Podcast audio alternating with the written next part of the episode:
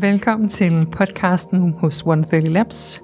130 Labs er en urban oasis sundhedsstudie med fokus på sundhed og velvære. Vi har samlet de mest veldokumenterede tidseffektive behandlinger og biohacks, alle med størst mulig effekt, så du kan nå dine mål så effektivt og hurtigt som muligt.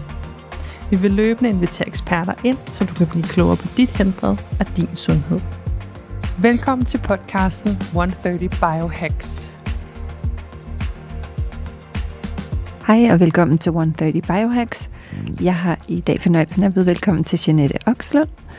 Velkommen til, Jeanette. Tak, og tak fordi jeg måtte være med. Ja, det er dejligt, du havde lyst.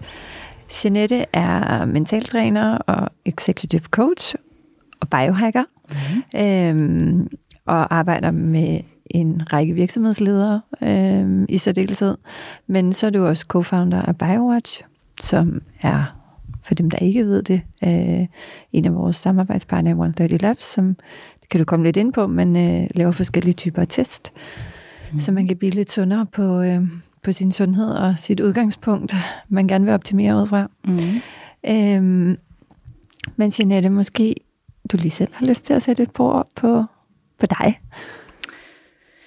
Ja, og hvad for en vinkel vælger man der? Men, øh, ja. men jeg kunne i hvert fald have lyst til at vælge den lige i halen af den her med BioWatch, fordi øh, det er faktisk sådan meget kernen af det, jeg laver. Øh, hele den her øh, forbindelse, der er mellem krop og sind. Øh, jeg har arbejdet med sindet, kan man sige, med det mentale og med følelser i mange, mange år efterhånden. Men man kan simpelthen ikke tale om det, uden også at tale om det den fysiologiske del. Øh, og det tror jeg, der er stadigvæk rigtig mange, der slet ikke er opmærksom på. Og det er jo øh, blandt andet noget af det, der er så spændende, og det, der griber mig i med BioWatch, det er, at vi faktisk her har muligheden for for eksempel at teste stress, og ikke bare ud for sådan en, et spørgeskema, som, øh, som man kender, men faktisk sådan helt fysiologiske målinger. Og det, der er meget optaget af, det er hele det her med, at vores tanker faktisk sætter sig fysiske spor i kroppen, og at kroppen på samme måde påvirker vores, vores mentale tilstand. Så, ja. så hele den her body-mind connection er, øhm, ja, er alt, hvad jeg brænder for, og som jeg virkelig holder af og, og dele med alle mulige andre, fordi det ved, det ved vi alle sammen alt for lidt om.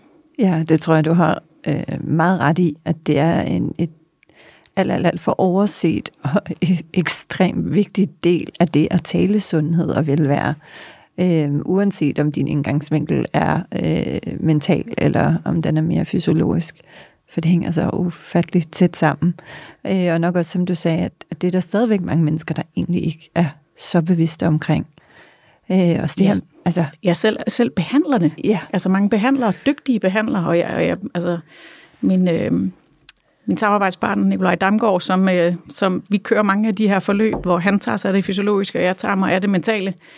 Vi har jo arbejdet med mennesker i mange, mange år, ud fra hver sin altså, vinkel, og gjort mm. det relativt godt, men jeg kan jo allerede nu se bagud, at nogle af dem, jeg har arbejdet med for syv år siden, hvis jeg dog bare havde vidst, at øh, fordøjelsen blev påvirket af stress, så kunne vi være kommet meget længere, eller have tjekket deres D-vitamin osv. Ja. Så, så, øhm, så det er så opdelt. Når vi har ondt i maven, så går vi til en, der ved noget om maven, men som måske overhovedet ikke har noget indblik i, at det kunne være koblet til noget følelsesmæssigt osv. Så, så det, det er, ja. Jeg tror lige, det er, altså, hvilket også var min egen øh, oplevelse en del år tilbage, jeg havde ekstreme spændinger i nakke, altså så, så ekstremt, at jeg faktisk nærmest ikke kunne holde ud og være i min egen krop, fordi det ja. gjorde så ondt. Det var faktisk en healing, der løsnede det.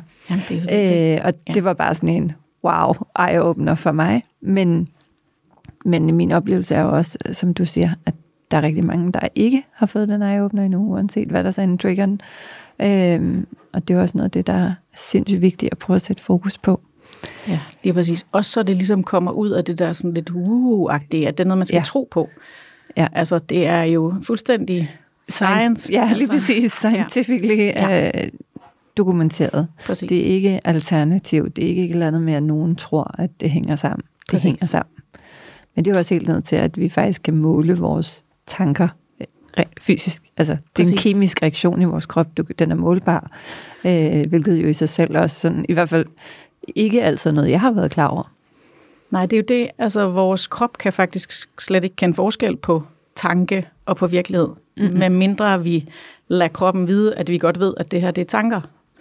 Øhm, så, så det er jo interessant, når du tænker katastrofetanker, når du tænker, åh, oh, jeg bliver sikkert til grin, hvis jeg skal holde den her præsentation, eller jeg bliver fyret, eller hvad man nu kan forestille sig, så føles det i kroppen faktisk som om, at man bliver fyret, at det sker.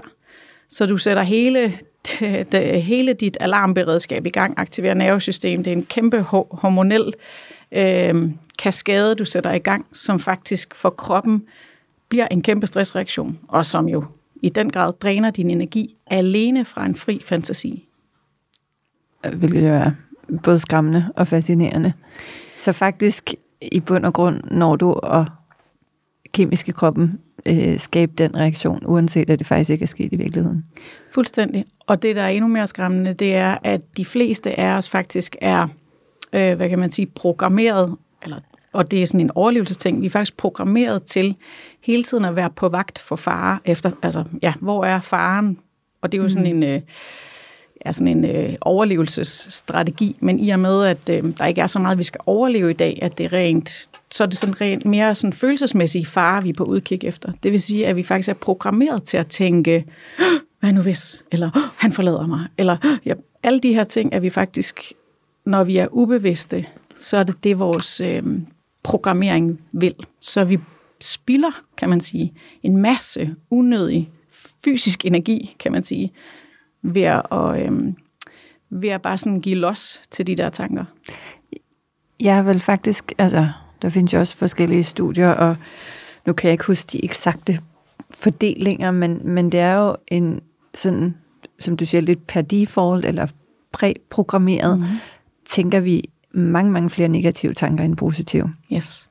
Øhm, og hvis det så, ikke hvis, når det så sætter sig fysisk i vores krop, så har det selvfølgelig en stor impact på vores sundhed og vores velvære. Men endnu mere interessant er det selvfølgelig også at dykke lidt ned i, sige, hvad er det, som man egentlig kan gøre i forhold til at sige, hvis vi er præprogrammeret til at tænke negativt, hvordan kan vi så ligesom ændre den programmering, ja. hvis man kan sige det sådan? Det er jo i virkeligheden relativt simpelt. Det er ved at blive bevidste om, hvordan øh, vi konstruerer de her tanker. Øhm, og dem kan man jo observere den her tanke, måde du konstruerer tanker på, kan du observere på mange måder. Meditation for eksempel. Vi er, er en af de meget sådan, effektive måder og træninger i at kunne observere tanker. Oh, det er en lang, lang forklaring om, at meditation er meget andet end en pause. Det er faktisk ja. måske en af de mest sådan, øh, øh, rå selvudviklingsværktøjer, du har. Blandt andet fordi du kan begynde at observere dine tanker. Så du sætter dig i virkeligheden og observerer dine tanker, observerer dine følelser, fysiske sansninger, uden at identificere dig med dem, men stille og roligt begynder at få øje på, selv i den lille meditation, hvordan du taler til dig selv, hvad for en tone der er, hvilke reaktioner du har på behag og på ubehag. Mm. Og på den måde, så begynder du, øh, ja, det er sådan lidt ligesom den der med at kunne se taleboblen i Anders Sandbladet, begynder at få øje på, hvordan du konstruerer tanker de der, den måde, du konstruerer tanker på, er faktisk allerede programmeret, før du blev 12 år. Så det er, ja, man kan altid komme med en snak om, vi er født med en personlighed eller ej, men i hvert fald er du blevet påvirket af de forældre, du har, det miljø, du er vokset op i, de lærere, du har haft. Det, du nu har oplevet, har alt sammen sat sig som en programmering i din hjerne i forhold til, om verden er et trygt sted, om du er god nok, om du er elsket osv. osv. Alle de her sådan, ting, som lærer sig i din underbevidsthed, og som er med til at styre den der default af negativitet, af negative ja. tanker. Men når du begynder at få øje på dem, det skal faktisk lige siges, 95 procent af alle vores valg er styret af det underbevidste. Altså af den vores programmer. Ja. Og vi har no idea, at det er det, der sker. Bitte små valg i hele løbet af hele dagen handler om at undgå det, vi er programmeret til og synes er ubehageligt. Ja. Øh, så er der selvfølgelig nogle eksistentielle ting, der bare er ubehagelige, men som hvis vi tager dem op i vores voksne selv, slet ikke er på færre. Mm. Så den der med at opdage, okay, per definition er jeg sådan en, der er øh, bange for at blive til grin. Når du begynder at have set den så mange gange, den tan- tankekonstruktion, så kan du begynde at re- altså, tage den op i dit voksne og sådan, øh, øh, lave sådan en evaluering af, at det er stadigvæk noget, der skal styre mig. Et, passer det overhovedet? To, øh, måske er det ikke så farligt at blive til grin. Ja. Så der kan være mange måder ligesom at bryde det der tankemønster på, så du bliver fri, og i virkeligheden kan træde de skridt, du gerne vil, selvom det lige bliver ubehageligt de første gange, for det er super ubehageligt at gøre noget, der contradictive of your programming. Men det gode er, jo flere gange du træder den vej, stille og roligt vil du omprogrammere din hjerne. Så, så hele den her med at observere dine tanker og dine mønstre, og begynde at gøre det, du gerne vil i din i dit voksne, øh, i dit voksne liv, er i virkeligheden en opdatering af din er det, sådan, er det underbevidste, kan man sige, af din programmering fra 12-årsalderen til ja. det sted, du nu er nu. Og det er, skulle jeg helt sige, er lifelong journey. Så absolut. Men, men jeg, altså, som jeg hørte dig sige, så er det jo også det her, et, først at få bevidstheden omkring det, ja. så bliver opmærksom på, hov, der var vist et program, der kom i spil her igen igen. Øh, og, og dernæst selvfølgelig også så begynde at sige, skulle man måske udfordre nogle af de her programmer, skulle man prøve at se, om, om de var meningsfyldte for en, eller om man skulle prøve at ændre på dem. Ikke? Præcis. Så der er både omprogrammeringen, men i øvrigt også den der med, når du bliver nærværende nok til at opdage, hvad det er for en pladespiller, der kører, mm. så kan du også nogle gange nå at stoppe den. Præcis. Altså, for det nogle gange sidder vi jo kværner i en eller anden... Øh, en eller anden situation, der skete i går, som bare kører og kører og kører og kører, kører, og du kværner rundt i den og bruger så meget energi, faktisk helt fysiologisk, ikke kun mentalt drænende, fysiologisk drænende energi på noget, du ikke engang har fået bragt op til en vurdering af, er det noget, jeg skal handle på, eller er det bare kværn? Ja. og på samme måde med fremtidig bekymring, ikke? Jo. Vil jeg bruge rigtig meget krudt på at være bange for at blive fyret, eller giver jeg slip i den tanke, hver gang den kommer, mm. og kommer til stede med det her øjeblik i stedet for? Ja, og en accept af, at det er okay, tanken kommer. Ja. Men hvad er det, jeg gør ved den, når den er der? Præcis. Altså, det ikke bliver styrende, men det bliver en observation.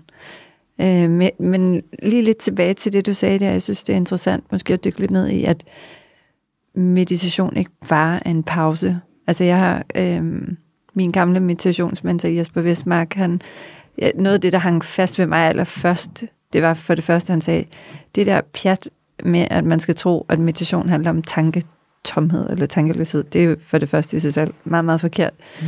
Øh, men, men ligesom du også sagde det her med, at lære at bare observere ja. og kigge på sine følelser og sine tanker, og, og lidt lidt der med, jeg er dem ikke. Præcis. De er, jeg har dem, men jeg kan observere dem, og jeg kan lade dem passere, og jeg, men det, det er ikke mig. Jeg er ikke den følelse eller den tanke, hvad Præcis. det nu end måtte være. Ikke? Præcis. Og det for mig, det var sådan en, åh, oh, så var der et eller andet, der faldt på plads i mit, min rationelle hjerne i at forstå lidt, hvad det, hvad det handlede om. Men, øhm, og det er meget præcis. Ja. Det er den, og det er i virkeligheden den øh, bevægelse, man laver med meditation, det er, at man stiller sig bag om dem og ser, at det er bare nogen, man har. Ligesom mm. man har en kløe på næsen, mm. så kan man også have en tanke, der ser, og det ved vi jo alle sammen også godt, altså vågner vi, og solen skinner, så tænker vi tanker på en måde vågner vi, og det regner, så tænker vi tanker på en anden måde. Altså så øhm, tilfældigt kan de der tanker i virkeligheden være. Og så er der programmering, som gør, at man måske øh, bliver, er mere eller mindre styret til at synes, det grå vejr er kedeligt. Eller, ja. eller der, er nogen, der, der er jo nogen, der lykkes med at kan se et eller andet smukt i det grå vejr. Men det er i højt grad ofte også en træning. Ja. Det er også derfor, hele den der taknemmelighedspraksis og alle de her ting er blevet så populær. Præcis. Fordi det faktisk programmerer din hjerne øh, til at være, blive i stand til at opdage alt det, du er taknemmelig for. Ja. Fordi det er jo også en del af den der praksis, den der kunne observere, vi er faktisk igen programmeret til at få øje på alt det, vi ikke har. Mm. Og det er jo en kæmpe drivkraft, og noget, der har gjort, at vi har klaret os. Men det er super ærgerligt, hvis man bruger et helt liv, og det koster mange kræfter i øvrigt at bruge et helt liv på at jagte det, man ikke har, uden overhovedet at nå at nyde, og lade sig tanke op af alt det, man har. Ja, det giver god mening. Men det er også interessant, for jeg tror, der er også en helt, altså der er også noget i vores kultur og i vores livsstil. Altså, der, der er jo også nogle ting, vi alle sammen render rundt og øh, hele tiden taler om, hvor travlt vi har, eller mm. ja, hvor gråt, hvor meget regn det nu har været, og det er koldt, og det er umuligt at være i Danmark. Og det er også koldt, og det er også regnfuldt, men, men, det, men det er rigtigt, der er sådan et eller andet, det er bare blevet en, en form, man har, altså, og, og man kan vælge, ja. om man vil koge suppe på den, ja, og lade sig glide, glide med ned i, uh, i trashet, eller om man vil sige, ja. so be it, jeg har valgt at være i Danmark, ja. der er alt muligt dejligt ved Danmark. Det ja. bliver så skønt, når det bliver forår og alt muligt ja. andet. Ja, ja, det er nogle, faktisk nogle ret smukke dage lige nu, selvom Helt det er koldt. Ikke? Men Helt så er der, der var det i hvert fald sol i går. jeg har ikke været så meget ude i dag. Det, det, men... det gælder om virkelig at få øje og finde taknemmeligheden på ja. det, der er. Ja, der præcis. var sol i går. Ja. ja. Øhm, men men øh, i forhold til meditationen som, som et værktøj, ja. øh, fordi jeg tror også, lige nu bliver der talt rigtig meget om de her pauser, mm-hmm. øh, og det er jo ikke kun meditation, du kan bruge at holde pause med, men det er i hvert fald noget, der også øh, det bliver brugt meget til, eller i hvert fald øh, opfordret til. Men, men øh, ud over pauserne, øh, jo, så er det det her bevidstheden, men, men hvordan bruger du meditationen sådan, som værktøj, både for dig selv, men selvfølgelig også de mennesker, du arbejder med? Altså, det er jo ikke, fordi det ikke er en pause, for det er det, og det er jo også det første og nemmeste stik, kan man sige, fordi, øhm, fordi vi har fået skabt en kultur, hvor vi løber, løber, løber, løber, løber, og helt har glemt, at der er jo intet galt i at løbe, men øh, alle elitesportsudøvere, og løb stærkt, alle elitesportsudøvere ved også godt, at lige så vigtigt træningen er, så er restitutionen fuldstændig lige så afgørende mm. for at peak din performance. Det er ligesom om, det har vi glemt sådan i erhvervslivet. Der er der kun løb. ja. øhm, så derfor giver det jo god mening at introducere noget som meditation, fordi det er jo helt vanvittigt, hvad bare fem minutters pause kan gøre. Øhm, og så kan man sige, så er meditation sådan lidt en opgraderet pause, fordi det gør alt muligt andet. Det er sådan, øhm, hvad kan man sige, udover bare at sætte sig og holde en pause, hvor de, hvor de fleste jo nok vil finde deres telefon frem, som vi kan tale alt muligt dårligt om, så er det ja. stadigvæk en pause. Ja. Men meditationen er ligesom en opgraderet pause, hvor du faktisk kan hacke nervesystemet. Øhm, så når vi løber rigtig, rigtig stærkt og har travlt, og der er øh, masser af kortisol, der brager rundt, fordi du, du er alert, mm. så har du også aktiveret det, parasympa- eller det sympatiske nervesystem. Mm det, der skal til for at slappe af, så skal vi have aktiveret det parasympatiske nervesystem, men det kan altså godt tage ret lang tid. Det er også derfor, det kan være svært at falde i søvn, hvis man har haft sådan en bimlende, bamlende dag. Det er fordi, du simpelthen ikke kan få det der parasympatiske nervesystem aktiveret. Og der er meditation, når du ligesom har kan det, eller har, har nailet den, mm. så er det simpelthen, altså så kan du nærmest switche på et øjeblik. Så derfor kan det være en meget effektiv pause, restitution. Og så kan man så sige, Udover det, så er der hele den her, som jo er meditationens oprindelse. Det har jo været enlightenment. Altså det har jo mm. været den her øh, indsigt i dig selv, men jo i det hele. Altså ja. i hele tiden indsigten i øh, naturen, og hvordan det hele hænger sammen osv. Det, Mærke er efter. det er jo den kom fra. Mærke efter. også intuitionen. Fuldstændig. Det som de fleste af os har jo per default en stærk intuition, ja. hvis vi bare husker at lytte til den, og, og, og i det hele taget lede efter den måske nogle gange, fordi for nogen er den blevet gemt så langt væk, ikke? Jo, både gemt så langt væk, fordi man har disconnected mm. sig selv. Man løber bare rundt som sådan et hoved, der er slet ikke nogen krop eller følelse mere, fordi hvis man mærkede den, så ja, uh, kunne man godt mærke, at det gjorde alt for ondt. ja. øhm, men det, der også sker, når vi løber for stærkt, det er, at så bliver det rigtig svært at kende forskel på intuition og frygt. Det er så rigtigt. Jeg, har, ja. jeg havde lige en session med øh, en, en uh, healer, jeg arbejder med øh, for et par uger siden, og det var faktisk lige, jeg, hun siger, hvordan, så siger jeg simpelthen lige nu kan jeg ikke mærke forskel på, hvad der er intuition og frygt. Præcis. Og det kan jeg slet, altså det skaber virkelig råd i mit system, ikke? Jo. Fordi det, jeg navigerer meget efter min intuition, og det der med lige pludselig at sige, altså ikke at kunne mærke efter, det, det var virkelig, virkelig ubehageligt. Det er det, så man mister, og det er jo det, hele den der kortisol og det sympatiske mm. nervesystem, der, der aktiverer frygt, fordi det er ja. sådan en fight-flight-tilstand. Ja. Så hvis man, jeg plejer altid selv at have selv som, for jeg løber også stærkt, når jeg er i, i et eller andet stress level, så stoler jeg aldrig på, at jeg har fat i min intuition. Mm. Så ved jeg, det er frygt. Det kan godt være, at frygt så viser sig på det senere tidspunkt at være, være rigtigt, altså mm. være, men jeg, ved, jeg vil aldrig nogensinde tænke, det her kan jeg mærke helt intuitivt er rigtigt. Det vil Nej. jeg ikke stole på.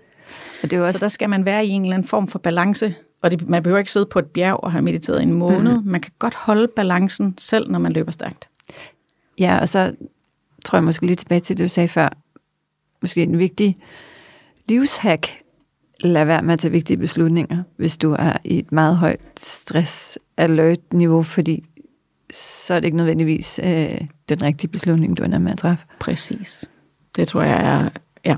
ja. Jeg tror, der er mange, der kan skrive under på, uanset om man øh, tænker på intuition og alt muligt andet. Men mm. de der beslutninger, de er, det er i hvert fald mere held end forstand, når det rammer ja. rigtigt. ja, som kommer under ekstrem pres eller stress. Eller, ja.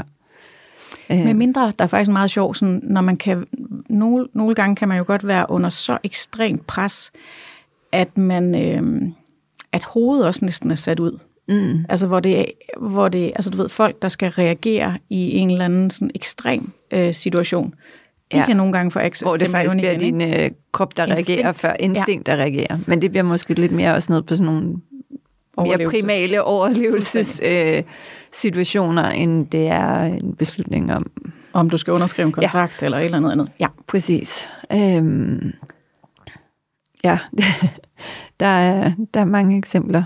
Øhm, men, ja, men jeg, så men meditationen vil jeg bare, bare lige igen, den der med, især hvis man løber stærkt, altså hvis man mm. har meget, man vil at opnå og sådan ting, så kan meditationen simpelthen være et super effektivt anker til at have en stabil indeni. Ja. Fordi det er jo det i virkeligheden meditationen kan, når du har fået det rigtigt ind under huden, så kan du netop stå som observatør, uanset hvor meget det bimler og bamler og brager, og folk kalder og hiver, og hvad der nu ellers er. Ja. Så er der stille indeni, fordi du kan observere det. Når det buller og brager, det er bare stormvejr. Og derfra har du altid fat til din intuition, så derfor vil du altid kunne, ja, altid kunne træffe de rigtige valg. Ja. Men, mere, men lige så vigtigt, der er mere øh, energineutralt. Altså der, den, den dræner ikke energi. Der mm-hmm. står du bare. Så får jeg lyst til at spørge, for det er i hvert fald noget, jeg tit bliver spurgt om. Øh, hvordan lærer man så at meditere? Mm. øh, og, og er det noget, man skal lære? Men det kan man nok godt kalde det i en eller anden udstrækning. Men, men altså, hvorfor er det så svært for mange? Jeg tror, at det er så svært for mange, fordi vores, apropos vores kodning eller vores programmering i hjernen, vi er alle sammen blevet mm, så påvirket af hele det her digitale felt, øh, vores devices og alt muligt andet, som har givet os en programmering. Altså, der sidder vi og swiper rundt og skifter og du, du arbejder på syv forskellige vinduer osv. Vores hjerne er plastisk, så det vi gør, det bliver hjernen rigtig god til. Og den bliver altså god til rigtig hurtige skift, og derfor mister vi, og høj stimuli, rigtig mm. høj stimuli, mega meget dopamin. Og derfor mister vi også lidt evnen til det dybe fokus, og ikke mindst at sidde i det der, som meditation jo er, hvor der ikke er ret meget, eller du ved, der er i virkeligheden fuld knald på følelser og tanker og alt muligt mm. andet, men der er ikke den store stimuli nødvendigvis. Så det er sådan, det kan jo, og så i øvrigt, når du er super travlt, så kan det jo virke fuldstændig meningsløst at sidde og spille 10 minutter på at lave ingenting. Ja. Så der er alt muligt i det som i meditationen, som i virkeligheden slet ikke passer ind i de, det liv, vi lever. Og man kan sige, det er måske det allerbedste tegn på, at vi har så meget brug for det, hvis man tænker på den her hjerne, der er plastisk. Noget at, at lave modpolen, altså lave polen ja. til det der liv. Så vi også får trænet dybden og fokuset og, og evnen til bare at være. Ikke, ikke konstant at være i den der en eller anden form for doing-tilstand. Mm det giver god mening. Øhm, men, men for mig for eksempel, jeg synes min vej ind i meditation, og jeg kan stadigvæk have svært ved det, og især de dage, hvor at jeg har allermest mm. bimlen og bamlen. Men jeg, det positive er, som vi også snakkede om lige inden vi gik i gang, om nej, jeg får heller ikke gjort det lige så meget, som jeg burde og gerne vil. Men jeg ved, det er et værktøj, jeg ved, at jeg kan tage mm. det op af værktøjskassen, og jeg ved, hvor godt det er for mig. Så ja. jeg bruger det i hvert fald sikkert oftere end de fleste. Øhm, men, men det tog mig også lang tid at sådan, øh, ja, lære at meditere igen. Jeg ved ikke helt, om det er det rigtige ord, men for mig var sådan en, altså, åndedrætsøvelser er noget, der hjælper mig rigtig meget mm. ind i det. Der er også tit, hvis jeg virkelig kan, så, så laver jeg en gående meditation. Ja. Fordi, det, altså, så det, jeg synes også, det handler lidt om at finde nogle måder, det virker for en på. Og, og det er fuldstændig rigtigt, og grunden til, at du kan have den frihed, det er også fordi, du virkelig har givet den en skalle på et tidspunkt med det. Fordi mm. jeg tror, det er det, de fleste, altså vi vil alle sammen gerne have et quick fix, så vi tænker, kunne jeg ikke bare øh, downloade den der app, og så kan jeg vel meditere? ja. Og ved du hvad, der er intet svært i at meditere. Det er en tilstand, vi alle sammen er født i. Det er den der værens tilstand, så der er ikke noget svært i det. Så på den måde er der ikke noget svært at lære eller mestre. Mm-hmm. Men det er helt sådan øh, kontraintuitivt efterhånden for os at sidde i den tilstand. Så derfor plejer jeg faktisk altid at anbefale, hvis man virkelig vil nail den, ligesom med så meget andet, så er man nødt til at gå ordentligt ind i det. Ja. Og der kan det altså være øh, støttende at have en eller anden form for træner på. Mm. Altså en eller anden, der kan guide ja. dig ind i det, og som også kan sætte en, øh, ligesom, du ved, hvis du vil løbe op, træne op til et maraton, så skal du have en plan, og du skal ja. træne hver dag. Og så sker der nemlig det, når du har trænet, øh, hvad kan man sige, hvis du har trænet hver dag i 8 uger, man, forskningen siger, at det tager 8 uger at bygge en vane, mm. så har du bygget den vane, men du har også gjort dig så meget erfaringer med meditationen, at du netop kan begynde at veksle til noget andet, end at sidde der med øh, earplugs i ørerne og lytte mm. til en eller anden guidning, så kan du netop, når du står i supermarkedskøen, og alligevel spilder din tid, så mm. i stedet for at tage telefonen op, så kan du stå der og bare mærke din vejrtrækning. Mm. Det er også en meditation. Det er jo ikke sådan en total oplevelse af send, fordi du står i et supermarked, det larmer og alt muligt andet. Men det er en centrering. Det er en meditation. Det er gåturen i skoven, eller løbeturen for den sags skyld. Mm. Du kan også løbe meditere. Ja. Og det handler bare om, at du er, at du øhm, centrerer din, dit sind og din krop i det her øjeblik. Det vil sige, at du i virkeligheden vender al din opmærksomhed mod en sansning i kroppen. Det kan være din vejrtrækning, det kan også være dine ben, der går. Mm. Det, at du er der i øjeblikket, det er en meditation. Så det kan også være at sætte i opvaskemaskinen, folde vasketøj, ja. altså whatever really. Men det handler om at kigge ind af og lukke, altså ikke, ikke nogen eksterne stimuli, ikke noget scrolling på nej. Nej. Facebook eller Instagram. Men når man har travlt, så kan det være, så kan det være netop de der praktiske gørmål, man gør i forvejen, mm. eller i et bad. Altså ja. i øvrigt jo vidunderligt at være til stede i et bad. Mm. Altså at gå i bad om morgenen, hvor de fleste allerede er taget på arbejde i hovedet, men det faktisk at være der og mærke det varme vand osv., det er meditation på øh, højt plan, men det kræver lige, at man har fanget den. Ja. Den her med at kunne slippe tankerne, observere dem og komme tilbage til kroppen. Så det kan man ikke som nybegynder, for man, for, what?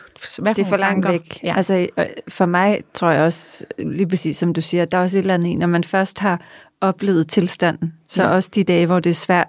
Jeg ved godt, hvad jeg søger hen imod. Det er lidt præcis. det der med, hvad er det egentlig, hvor jeg synes i starten sad jeg lidt og famlede, ikke? Præcis. Tænk, øh, hvad er det her? Observerer jeg tanker, ja. eller tænker jeg dem, eller what, what's the difference? ja, ja, lige præcis. Ja. Og hvad, skal, hvad skal jeg nu stille op med det her?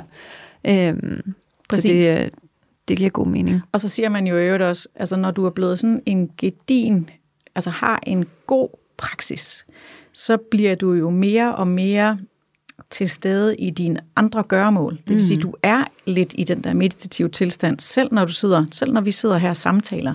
Alene det, at jeg har opmærksomhed på, at jeg også har en krop, at jeg mm. ikke bare er mine ord og kigger på dig, men jeg også holder kontakten til min krop, det er faktisk lige nu en talende meditation for mig. Ja. Og så mister jeg den en gang imellem, og så, ui, så kan jeg lige mærke, at jeg er her igen. Fordi jeg bliver begejstret, så taler jeg mig mm. ud, og tilbage til kroppen, og så er jeg der igen. Så når du har nailet den, så behøver du ikke så mange af de der sessions, hvor du sætter dig med, kun når du har brug for en pause, så er det netop, du bruger den som en pause, mm. men du er der rigtig, rigtig meget.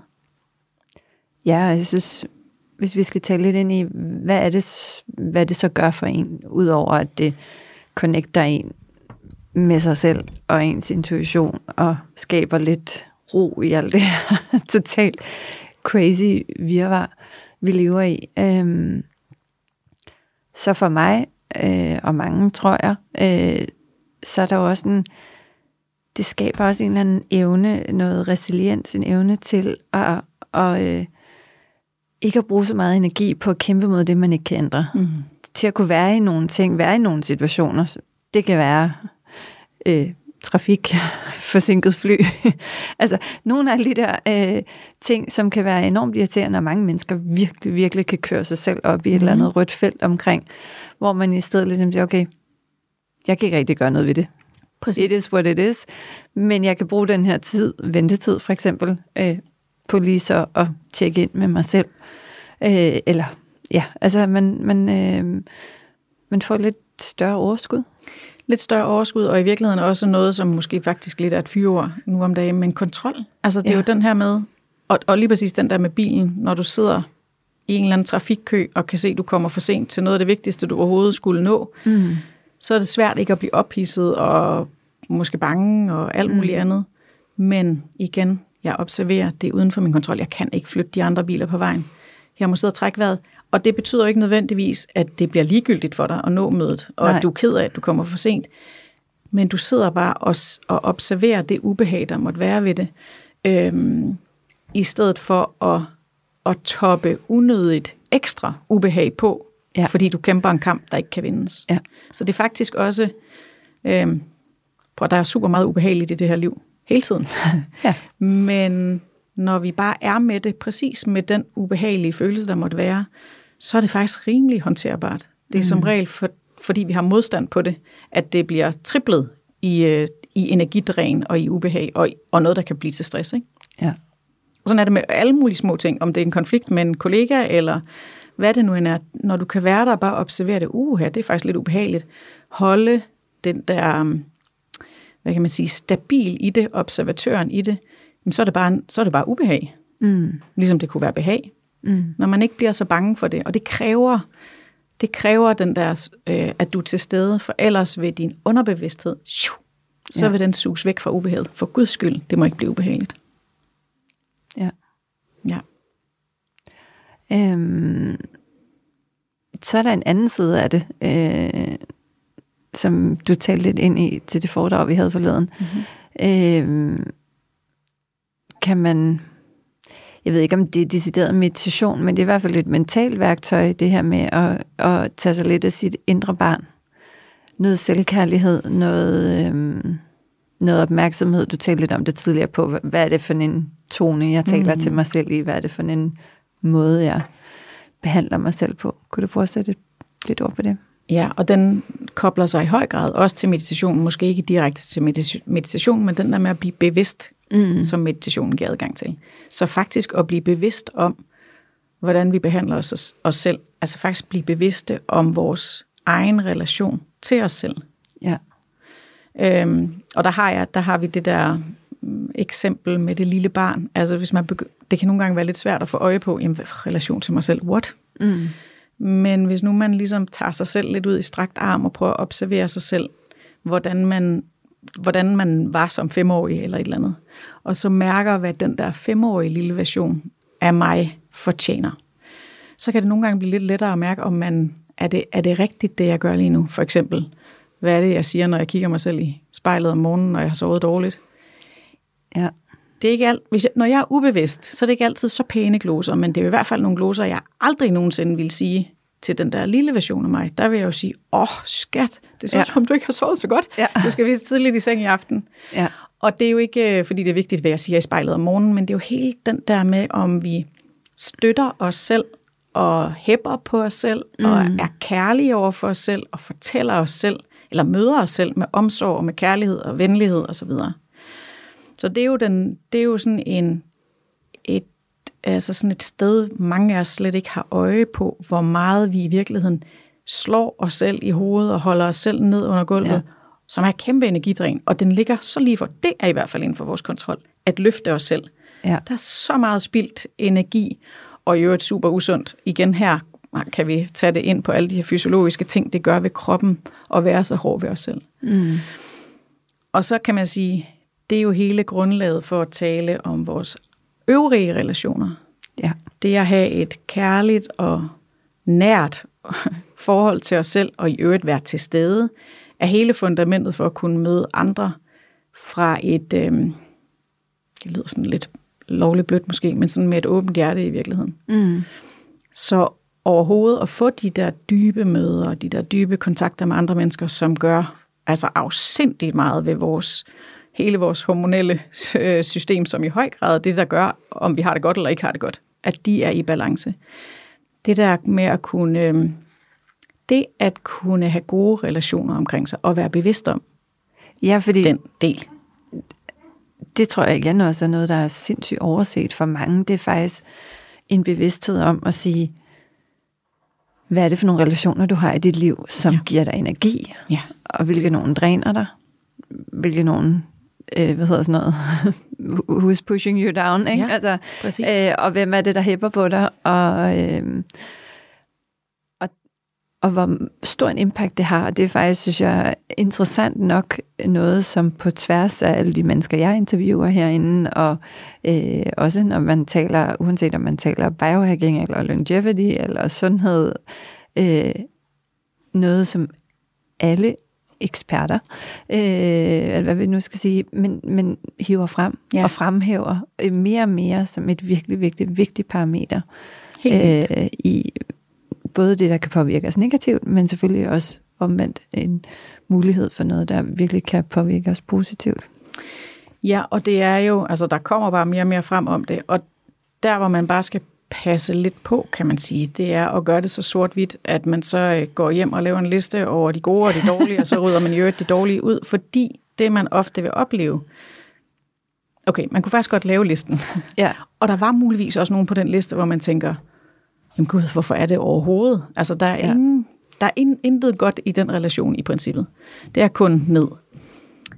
Men ofte på den der liste af dem, der dræner dig, der er der nogle mennesker, hvor det måske i virkeligheden ikke er rigtigt at sende dem ud. For der kunne godt være en mor, der mm. kunne der være en partner. Altså der kunne være Ja. mange mennesker på den liste, som du elsker rigtig, rigtig højt. Og der skal man jo så ind, det din partner, jamen, så har I noget arbejde, I skal have lavet, men det er jo en, altså, det er jo næsten øh, mere, apropos, det er næsten mere default end det. Der er rigtig gode forhold, men tit dem, der har været ja. sammen længe, det kan blive sådan underlig, øh, ubevidst nakken og holde hinanden nede, fordi øh, af alle mulige, alle de her Ja. ja. grunde, frygt og tage en for givet, eller have investeret for lidt. Så der er helt sikkert, hvis vi alle sammen kiggede på vores parforhold, mm. og investerede lige så meget i dem, som vi investerede i vores arbejde, så var der så meget sundhed og energi at hente i at få styr på det. ja. Det tror jeg er en helt podcast for sig selv. ja jeg skulle lige til at sige, men, men den er, Og så er der Særdeles øh, vores øh, mor eller vores et eller andet familiemedlem, som vi ikke nødvendigvis skal slippe af med, men som vi skal lære at være med. Og der er der jo alt, altså der kan man jo lave alt muligt med at forberede sig inden de her møder, både på hvor lang tid skal vi være sammen, og have den der centrering, så du er i observation, så det ikke går ind i dig og mm. dræner dig, de der åndssvage kommentarer, der kommer, eller de mønstre, der bliver aktiveret, som du selv skal øve dig i at holde dig ude af. Øhm, og så plejer jeg altid at sige, husk også at lytte til, til, til alt det, der er bag ved ordene. Fordi Ja. der kan godt komme åndssvage kommentarer, som dræner og gør ondt og alt muligt andet. Men bag alle de ord er der som regel alt muligt andet, som du godt kan holde af, og så finder du din stabil igen. Ja. Ja, og, og tit et redskab er jo også det der med lige sådan at steppe tilbage, blive på sin egen banehalvdel, og så måske også tit forstå, noget meget af det, der rammer os, er jo på ingen måde personligt. Nej. Det er jo, hvem end det nu er, du står overfor, det er deres programmer, det er deres Præcis. triggers, det er deres projekteringer. Øh, og nogle gange lige sådan hive sig selv lidt ud øh, af den der, kig på det og sige, okay, det er dit Og det er jo det shit, samme. Og det er so det samme. speak, ikke? Præcis.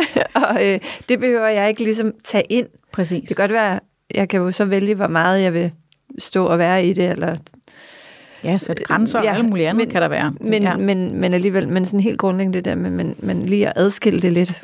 Fuldstændig. Og det er jo den samme teknik som i meditationen. Det er mm. den der med at kunne observere det. Ja, Altså, øh, observere det uden at reagere. ja. Bare være med det. Nå, okay, sikke hun spræller, sikke hun dog. Ja. Og det plejer, altså det her, det vil, kan jeg mærke sådan lige trigger et eller andet. Jeg observerer det bare, det er lidt ubehageligt. Jeg vender mig mm, over mod noget andet. Jeg gør mm. noget andet. Eller siger, nå, for søren. Eller hvad man nu kan, hvordan man kan håndtere det, så det ikke går ind. Ja. Så det kunne blive i den der bevidste observatør, øhm, kan være en redning igennem mange af de her ting. ja, og lige sådan, ja, adskille tingene lidt, ikke? Præcis. Observere, som du siger. Præcis. Observationen gør, at du ikke nødvendigvis behøver at tage det ind. Om, det kan jo altid mærkes, men at det ikke river dig rundt og bliver til en handling, og at du får virvlet dig fuldstændig ind i det, og at det så bliver en, øh, ja, et energidræn, kan man sige. En stress, faktisk. Er der nogle gode værktøjer til, står man i de her situationer? Er der noget et eller andet, der kan hjælpe en med lige at, at huske at have den der bevidsthed, eller øh, lige træde tilbage i den her observatørrolle? Har du nogle... Øh, at, eller er det bare øh, learning by doing? Altså jeg vil sige, den der, øh, den der faste meditationspraksis, så bliver du så stærk til at holde dig hos dig selv.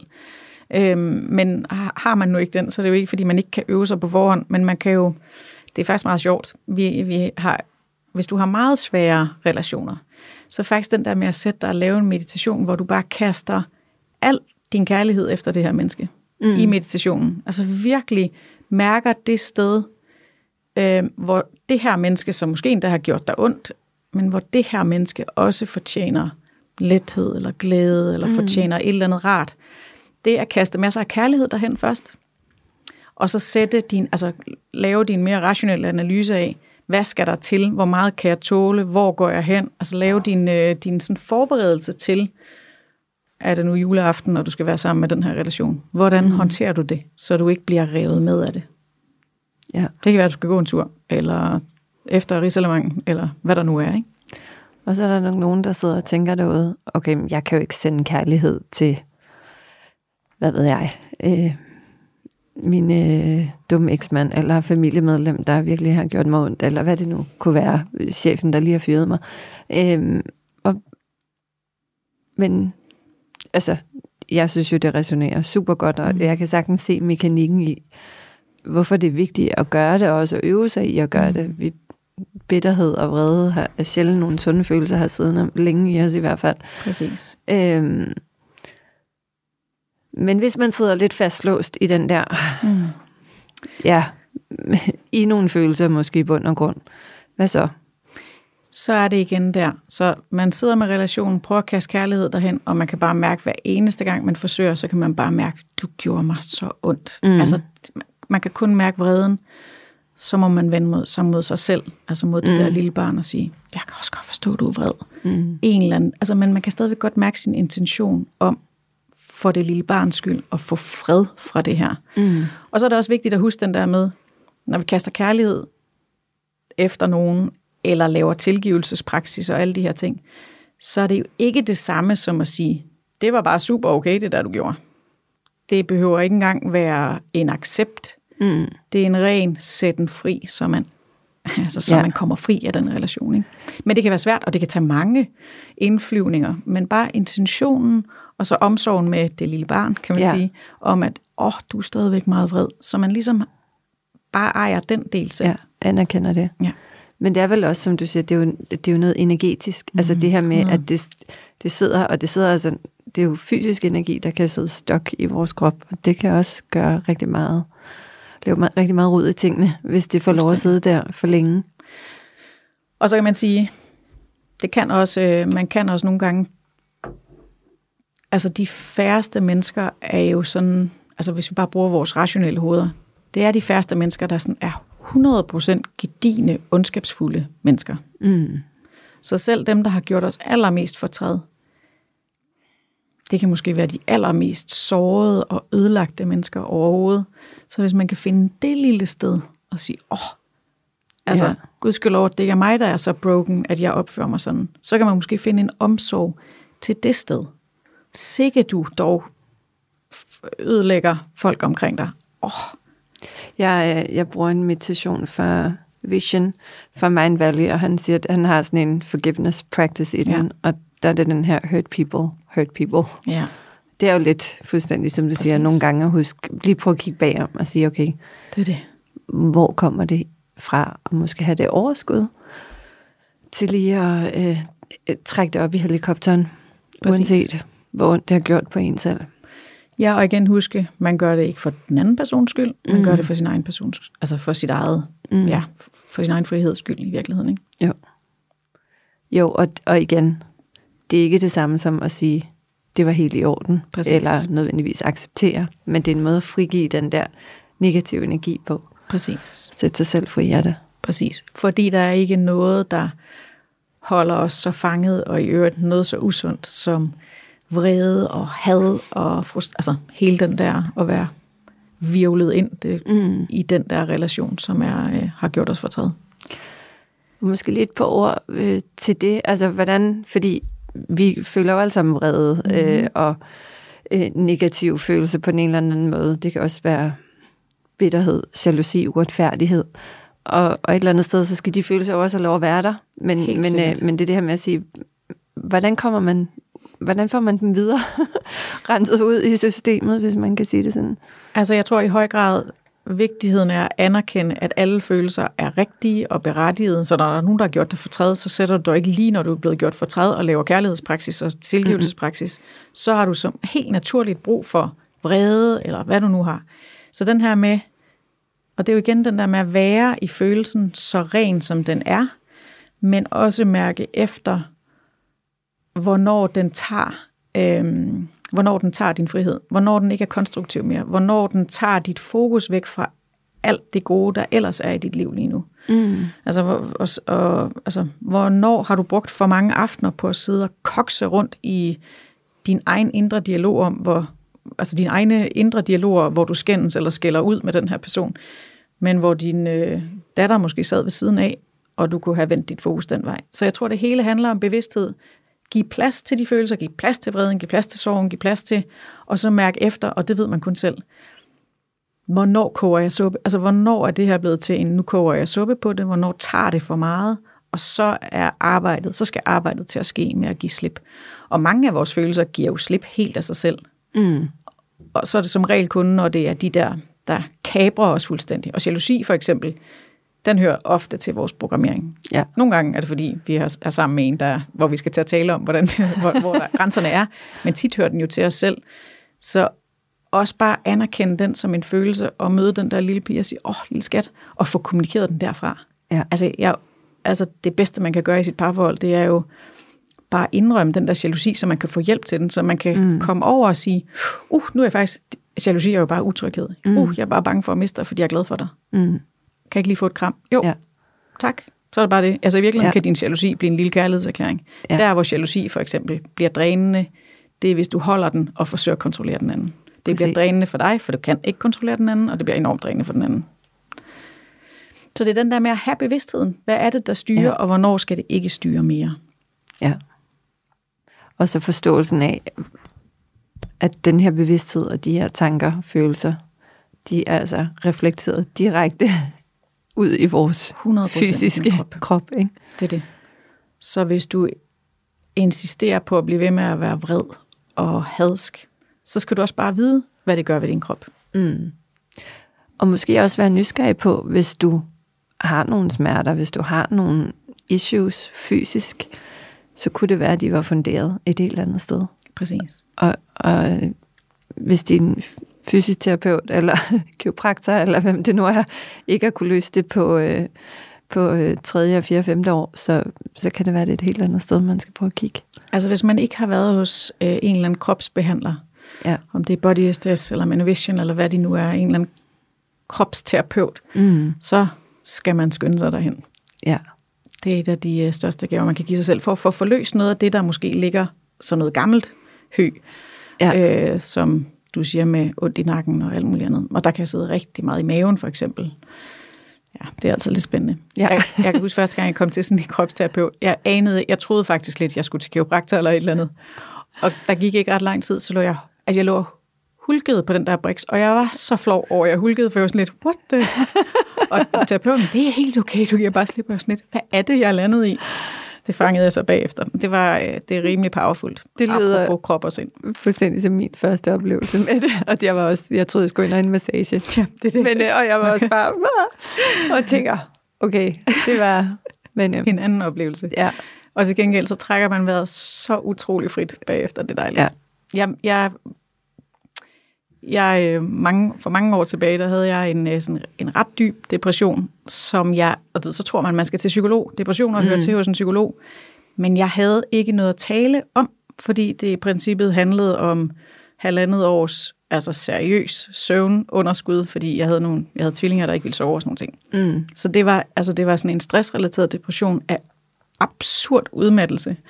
Så der var ikke så meget at tale om, men da jeg så landede hos den der kropsterapeut, altså jeg mener selv, at jeg blev kropsterapeutet ud Ja. som en del, og så sammen med meditationen blev Ja. min vej ud af den. Så det var det bare, ja, det startede allerede der, den der forbindelse med krop og sind. Ja. Og måske lige på falderæbet, Jeanette, øhm, hvad gør du selv? Nu øh, sidder vi her og snakker om, om alle de her gode værktøjer, men øh, hvad ligesom, hvad er dine go-tos? Ud over meditationen, kan jeg vel næsten, ja, uden jeg at spørge dig. sige, Jeg mediterer. Ja. Jeg mediterer faktisk hver eneste dag, og det vil jeg bare også lige sige. Mm, Jeg mediterer hver dag. Nogle gange bliver det et minut, inden jeg falder i søvn. mm, Men når jeg lægger mig under dynen, hvis jeg ikke har mediteret den dag, så lukker jeg øjnene og mærker min vejrtrækning og bam, mm. så, jeg, så sover jeg. Men jeg gjorde det den dag, så det, ja. den, det kan altså også noget. Så øh, laver jeg altid taknemmelighedspraksis om aftenen. Og man behøver ikke at sidde og skrive ned, hvis man ikke er til det, men bare lige den der med at mærke noget, man er taknemmelig for. Det øver jeg øvrigt også med mine unger. Så det er det mm. sidste, jeg spørger dem om. Hvad har været dejligt i dag? mm, træne deres hjerner til den. Så de, de, det er de to sådan, øh, hvad kan man sige, sådan mentale øvelser, jeg har. Ja. Ja. Øh, Udover at jeg forsøger at være så bevidst, jeg kan. Så er jeg, øh, så er jeg meget glad for fasten. ja, Øh, som også er, det har du masser af øh, podcast om, tror jeg også. Fasten kan- bruger jeg som Ja. en, øh, en fast del. Ja, og så bevægelse. Og jeg kalder det bevidst ikke træning, men øh, bevægelse, fordi Ja. det ser ud på alle mulige måder. Det kan være alt fra gåtur til styrketræning til et besøg nede i 130. mm. Men det tror jeg er en vigtig del, og det, det er heldigvis også et sprog, der er ved at ændre sig Ja. lige præcis rigtig meget. Det her Præcis. med bevægelse, movement. Øh, det er mange ting, Præcis. men bare det at komme op Kom op. ud af stolen. Ja. Ja. Det tror jeg, min, øh, det, var, det er min øh, ja, primære, vigtigste hacks, tror jeg. Ja. Tusind tak. Det, Det var tak. spændende og inspirerende. Øh, og tak fordi I lyttede med. Og på gensyn næste søndag. Tak for det.